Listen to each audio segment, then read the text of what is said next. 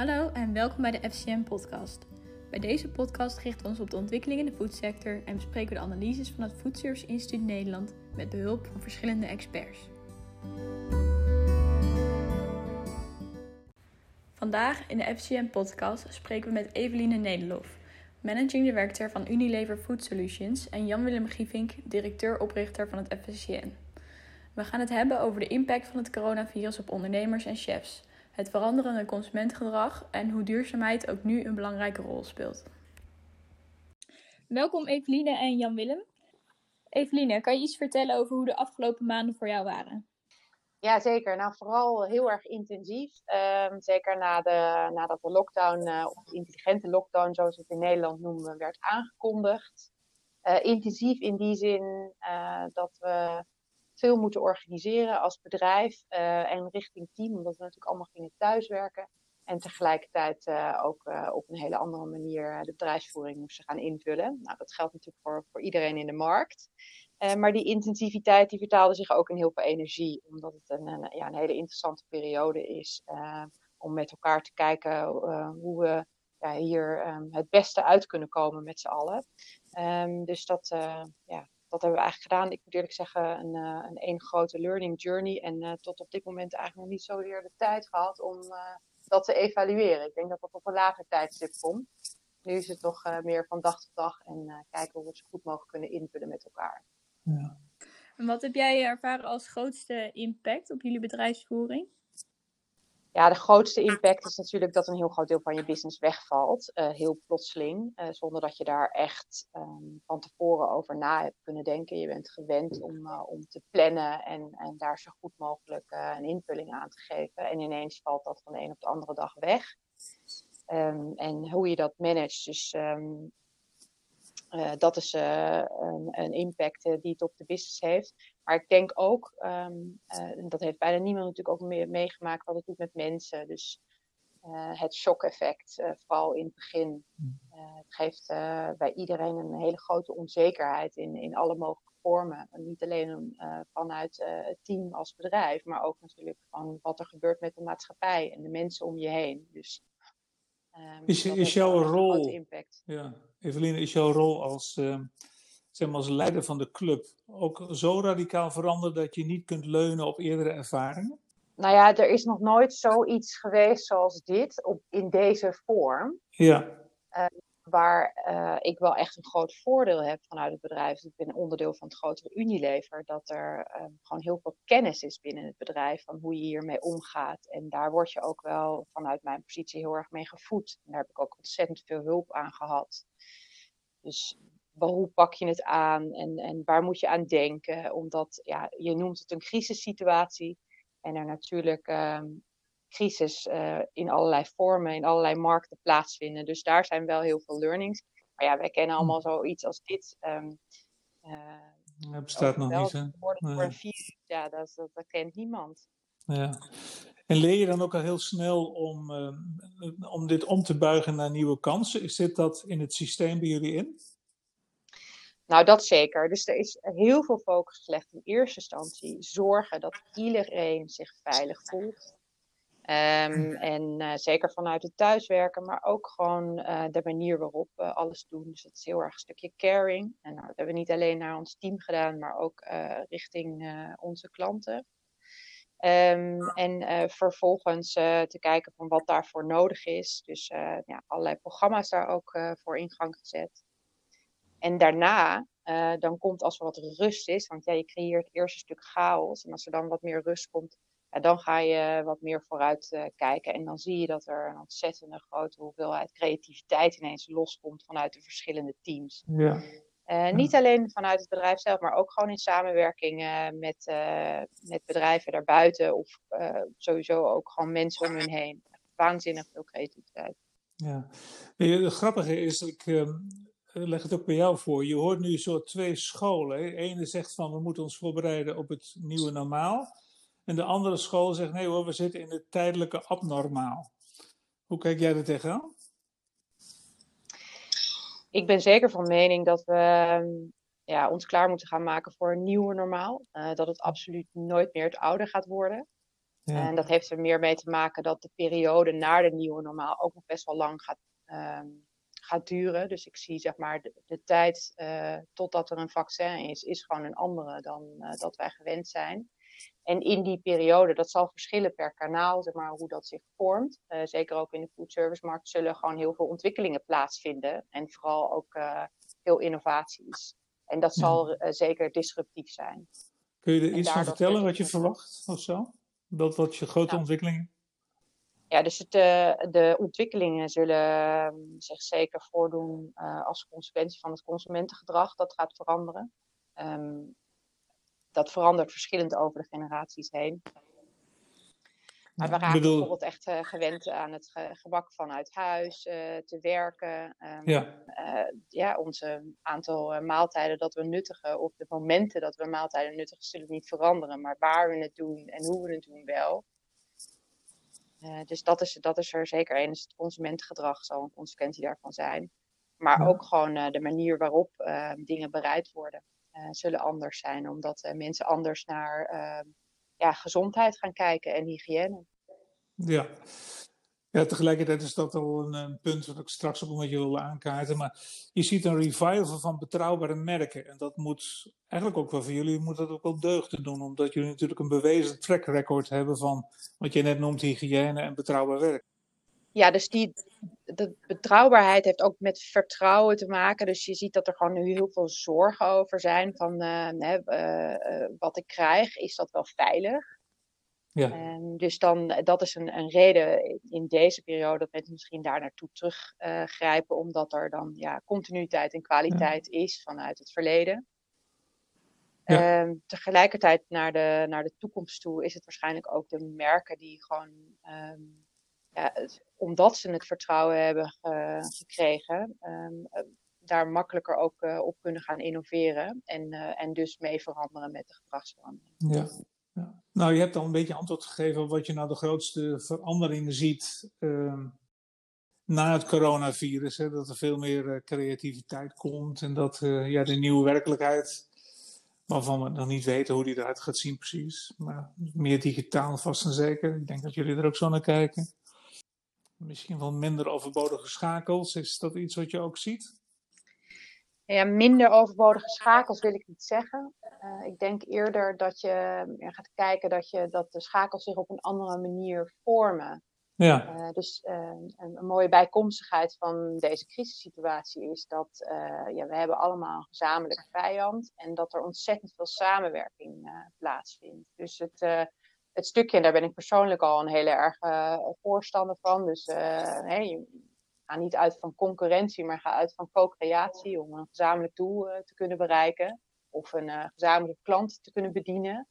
Uh, ik denk dat dat veel meer um, tot stand gaat komen, dat je dus door samenwerking veel meer mogelijk kan maken. En bedoel je dat er met collega-leveranciers of met klanten samen de consument bereiken? Nou, eigenlijk gewoon als een totaal netwerk. Dus het is, het is niet alleen vanuit in de waardeketen, dus niet meer um, uh, achter elkaar, maar gewoon echt uh, in elkaar. Um, co-creërend ja. over ja, de hele keten heen. Ja. Proces, processen in elkaar vlechten als het ware. Ja. ja. Zou dat ook kunnen betekenen dat jullie stukken van rollen over zouden kunnen nemen die je nooit had? Ik denk in kennis en expertise wel ga je veel sterker um, krijgen waar je echt goed in bent. Uh, dus dat is ook de, bijvoorbeeld de, de, focus wat wij nu hebben in deze tijd van, uh, nou, waar zijn we echt goed in? Waar staan we in onze kracht om dat nu ook te uiten? Enerzijds in het moment van crisis totdat, bijvoorbeeld nu is echt de, de lockdown-periode. Zeg, okay, wat kunnen we nu betekenen om, om ondernemers te, te helpen?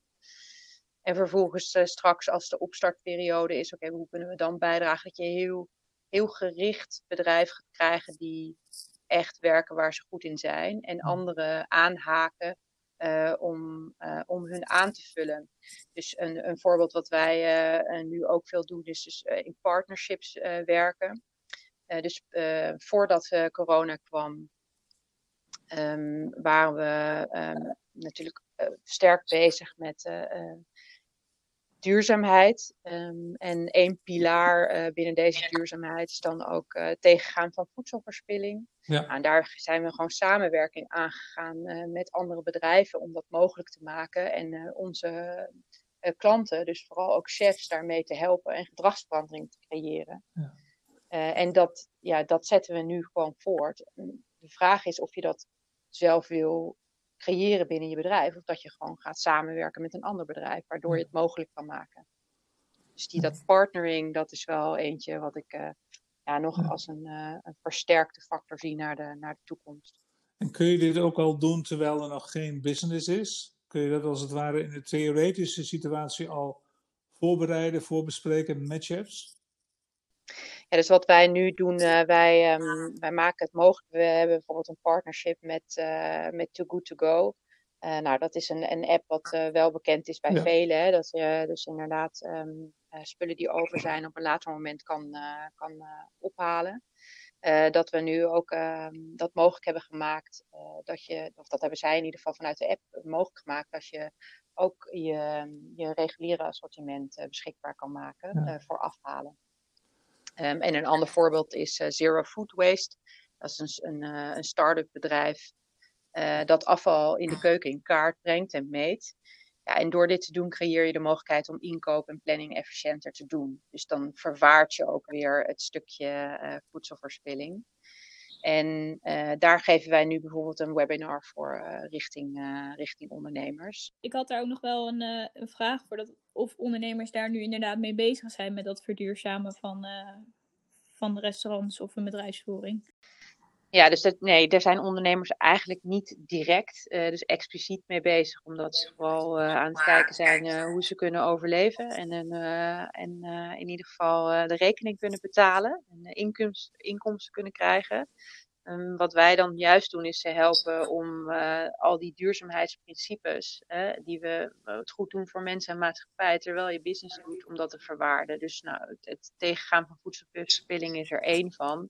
Maar ook het inspireren uh, van recepten die vanuit duurzame grondstoffen ehm, gemaakt worden. Hè, dus dat is een, een, een belangrijke waar wij natuurlijk ook um, mee bezig zijn. Dus het voorbeeld dat ik daarbij heb, is dat we de zogenaamde Future 50s. Hè? Dat is een lijst met ingrediënten, ingrediënten die onze planeet uh, minder belasten. Dus bijvoorbeeld geen vlees, zuivel en uh, geen eieren. Ja, en daar maken wij dan uh, ter inspiratie content voor, wat chefs dan ook weer presenteren. En, um, nou, en daar zetten we dan ook weer een waardeteken achter. Dus dat, dat, want dat is nu heel relevant. Ja. Om uiteindelijk wel die beweging naar meer plantaardig mogelijk, mogelijk te maken. Hè? Onder andere de vegetarische slager en maar ook inzicht te geven dat we met de producten die we gebruiken, dat daar dan reststromen in de fabrieken allemaal verwerkt worden. En gebruik van duurzame geteelde grondstoffen. Omdat daar, ja, daar de bewustwording uh, of meer dat onder de aandacht te brengen. Dus dat verwaarden we dan in de menuontwikkeling. Jullie hebben vast en zeker nu nog heel veel contact met ondernemers, dat liet je net al doorschemeren. Wat voor soort geluiden hoor je nou bij jullie klanten? Wat voor soort, je bent ook een beetje een adviseur, wat voor soort problemen komen ze naar jullie toe? Um, er is, uh, nou, in, de, in het begin was er uh, vooral hulp van uh, wat gaat er gebeuren. En dus, maar die vraag werd natuurlijk vooral door iedereen gesteld. Dus we wilden ook wat rust brengen. Dus inderdaad van nou, dit zijn tools die je zou kunnen gebruiken om bijvoorbeeld over te gaan in afhalen en bezorgen. En juist veel restaurants met wie wij samen, samenwerken deden überhaupt nog niet aan, aan afhalen ja. of bezorgen. Ik bedoel, echt heel weinig. Daar waren wij ook van onder de indruk. Um, en om daar um, ja, in ieder geval tools te bieden, zoals de, die Too Good To Go app, ja. waar onze buitendienst dan ook mee aan de slag is gegaan. Of um, we hebben een portal gemaakt, zogenaamde hub, waar al die uh, initiatieven dan ook op staan. Um, steundekeukens.nl was dan ook een initiatief van, uh, van een paar mensen. En dat is een marktplaats waar consumenten en restaurants uh, ja. samenkomen. En dat je dan in je buurt kan zien die je aan afhalen doet. Ja. Hè, dat is dan nog even één stapje verder dan uh, een flyer in de bus gooien. Ja. ja. Um, Uh, en dan uh, ja, hielpen ze ook bij van hoe kun je nou je social media wat meer uitbreiden, zodat het ja, bekend wordt in de buurt ja. dat jij het doet. Wat ik wel leuk vind om, om, om te delen, is dat je vooral ook heel erg merkt zeg maar, wat de, de charme echt is van de, van de food service markt. Um, en dat die op dit moment ook gewoon heel hard geraakt wordt. Dus de, ja, de charme wordt natuurlijk gemaakt ja. door, de, door de ondernemers. Um, ja, door middel van de gastvrijheid die ze bieden. Um, en dat komt echt vanuit het hart. En, en ze differentiëren zich ook door, door die creativiteit. En dat zie ik vooral natuurlijk vanuit, uh, vanuit mijn, mijn bedrijf bij Chefs.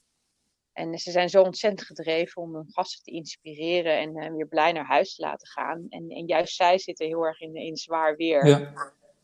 Um, en uh, ja, waar ik me dan ook dan weer zorgen over maak, dat is meer wat mij dan ook raakt op zo'n moment, dat er dan, uh, wat, ik, wat ik echt niet wens, dat er afvlakking gaat plaatsvinden doordat um, het op een andere manier wordt, wordt ingevuld. Hè? Dus dat juist die passie die er zo ontzettend in zit, dat die, uh, dat die dan daarmee wegvalt. Dus daar zal ik ook zeker vanuit de kracht die wij hebben, vanuit het bedrijf, ook alles aan doen om in ieder geval uh, ja, uh, dat te ondersteunen. En ervoor te zorgen dat die charme gewoon in die markt blijft. Je, je leest en hoort natuurlijk in de publieke media en lees je van alles over veranderend consumentengedrag.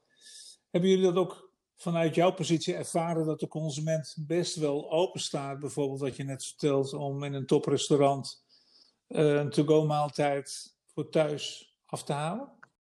Ja, dus wat wij, wij zien een, uh, zeker een veranderend consumentengedrag. Um, merkt ook wel dat consumenten wel een beetje wakker geschud moeten worden. Dat, uh, dat je, ja, iedereen was natuurlijk een soort van in een shock effect in het begin.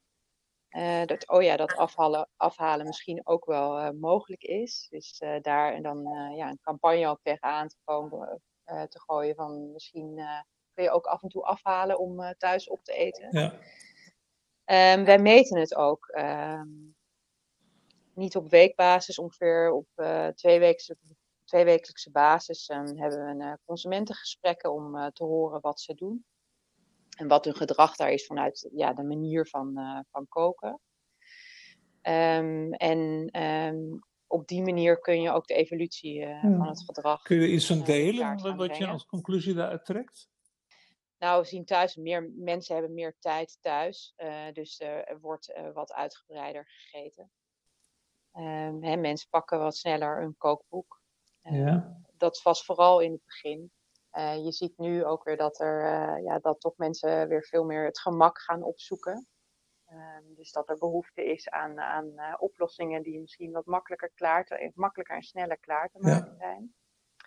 Um, en wat we ook zien als we de, en dat is tot nu toe eigenlijk nog alleen buitenlandse studies die we hebben gedaan, maar die volgen we dan ook twee wekelijks op. Dus dat we gaan meer gaan kijken wat, wat doen mensen die nou buitenshuis eet kopen en dan misschien uh, thuis inderdaad opeten.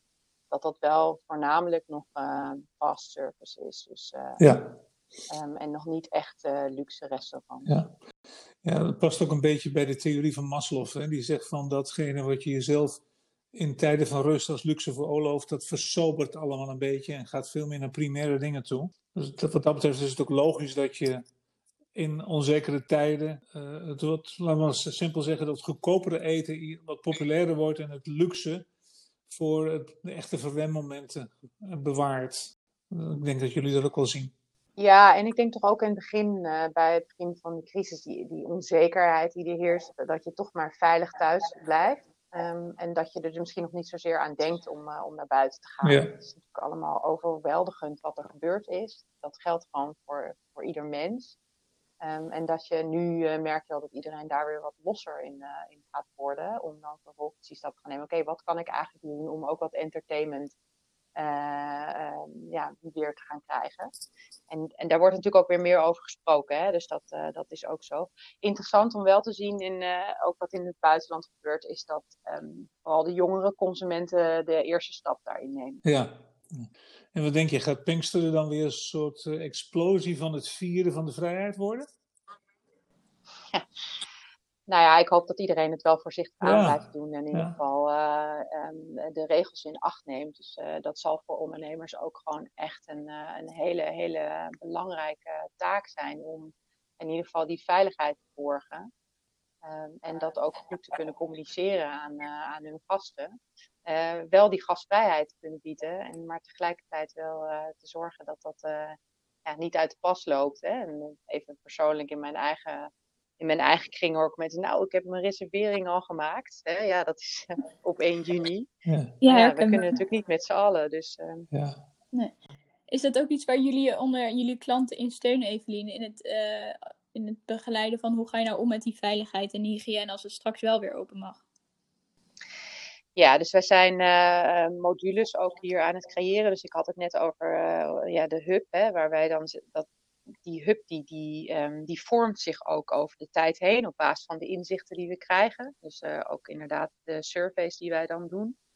Um, en één onderdeel, onderdeel daarvan is inderdaad het stukje hygiëne. En het gaat er dan natuurlijk niet om, zeker wij werken met chefs, hoe ze hun keuken moeten schoonmaken, want dat weten ze wel. Maar vooral ja, hoe je het communiceert. Uh, hoe je omgaat met hygiëne, zodat je het vertrouwen kan geven aan je gasten dat je dat doet. Um, en dat daarom gasten ook uh, gaan komen. Want ja, ook daar zie je um, vanuit onderzoeken vanuit landen die al uh, wat verder zijn dan wij, um, dat het toch wel, ja, toch wel de consumenten zijn die daar dan weer huiverig voor zijn van is het wel veilig en, en hoe wordt het eigenlijk uh, uh, klaargemaakt. En hè, dat is natuurlijk wel het belangrijkste, dat je die zekerheid kan meegeven aan je gasten. Kun je dat ook dus nog, daar ja, geven wij dan, kun je dat nog systematiseren of automatiseren met digitale hulpmiddelen, wat je nu net vertelt? soort checklist automatisering?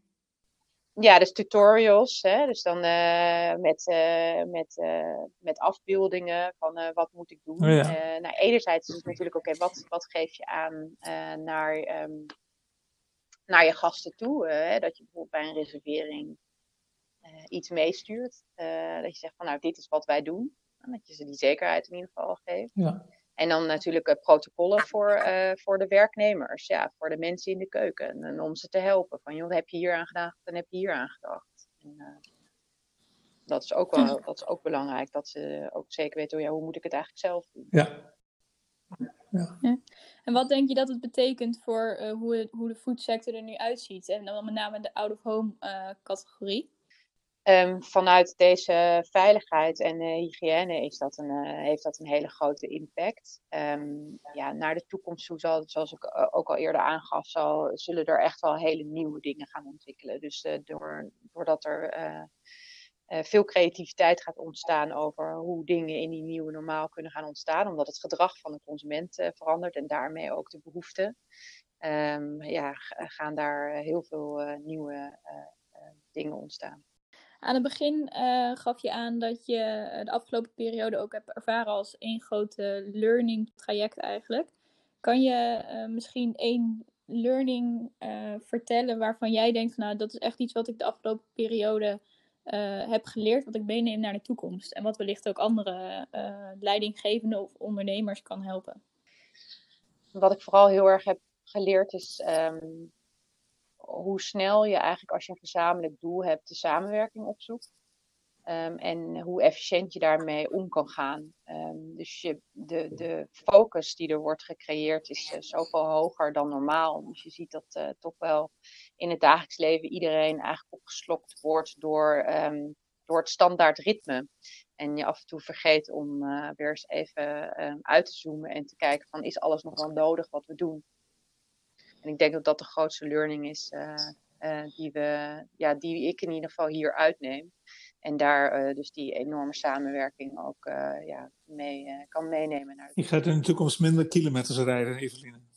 Nou, ik denk dat dat één onderdeel ja. daarvan gaat zijn. Hè? Dus je connectivity. Um, ik, ik heb net ook um, weer een, een meeting gehad online. En ja, dat gaat gewoon, het is korter dat sowieso. Je hebt je reistijd niet, maar ook de meeting zelf kan korter zijn, omdat je gewoon heel efficiënt uh, bent. Of wat ik al zei met de buitendienst, ja, die haal je dan uh, zogenaamd naar binnen, zoals je dat noemt. Maar tegelijkertijd kan je vaker contact hebben. Um, en uh, de onderwerpen kunnen hetzelfde zijn en de manier van delen is misschien nog wel effectief. Ja. Oké, okay, dankjewel Eveline.